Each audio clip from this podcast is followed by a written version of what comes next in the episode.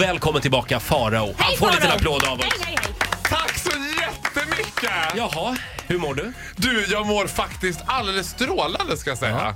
Du, eh, idag Ja. så ska vi lära oss hur man vet att ens relation är på väg att ta slut. Och det är jag ganska bra på.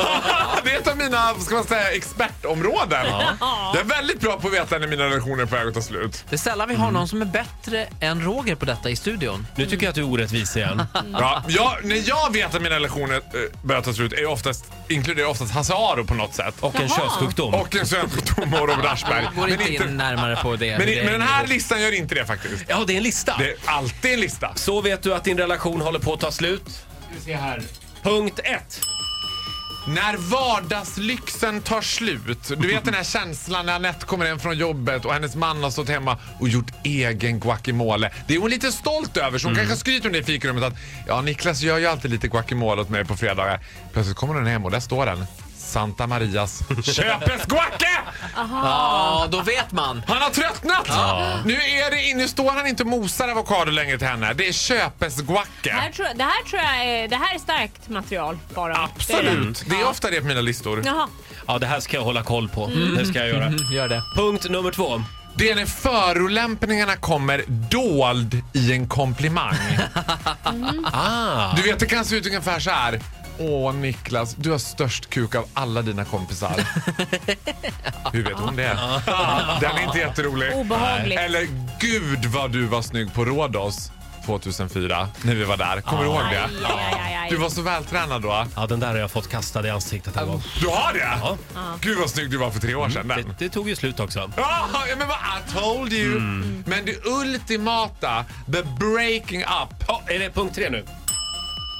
avslutets högborg. Jaha. Vi pratar om japanska spaet Yasuragi. När man bokar en helg på Yasuragi. Det, är- alltså, du vet, jag var på Yasuragi igår faktiskt, då, nu med min bästa kompis Jens.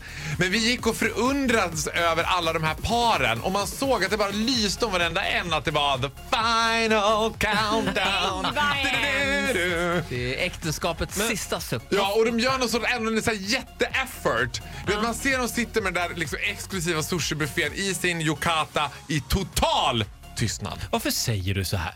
Ja, men vadå? Varför kan man inte åka till Yasuragi för att man är kär och vill hitta på någonting härligt med sin partner? Ja, jag trodde också att det var som en romantisk helg. Vi gör någonting konstigt och Ja. hasar runt i japanska tofflor. Exakt, och det tror ju alla de som åker dit. Det enda vi behöver nu det är en romantisk helg i japanska tofflor. Jag har bokat Yasuragi, Susanne. Du vet, och hon förstår. Nu är det slut. Men jag, jag och min Det sambo... är bara ett långsamt farväl. Jag och min sambo tog in på ett slott förra helgen. Hur är det med det och, då? eh, Och, och käkade julbord och hade mysigt. Ska jag vara orolig nu? Nej, absolut inte. För det var ett slott, inte Yasuragi. Nej, okej. Men när Jonas kommer och säger så här. Du, jag tänkte Yasuragi. Okej. Då kan du börja vara orolig. Ja, okej. Eh, Jag vill bara säga att jag gör fortfarande guacamole själv hemma till Erik.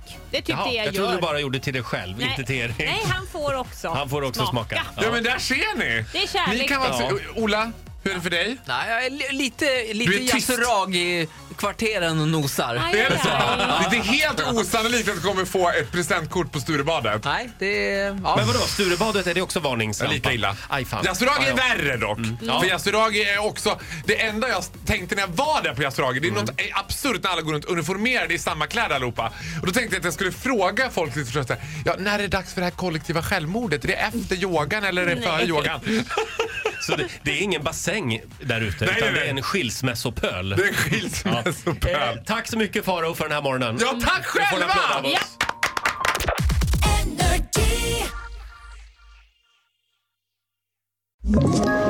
Ett poddtips från Podplay. I podden Något Kaiko garanterar östgötarna Brutti och jag, Davva, dig en stor dos skratt. Där följer jag pladask för köttätandet igen. Man är lite som en jävla vampyr. Man har fått lite blodsmak och då måste man ha mer. Udda spaningar, fängslande anekdoter och en och annan arg rant. Jag måste ha mitt kaffe på morgonen för annars är jag ingen trevlig människa. Då är du ingen trevlig människa, punkt. Något Kaiko, hör du på Podplay. Därför arkadeinerna.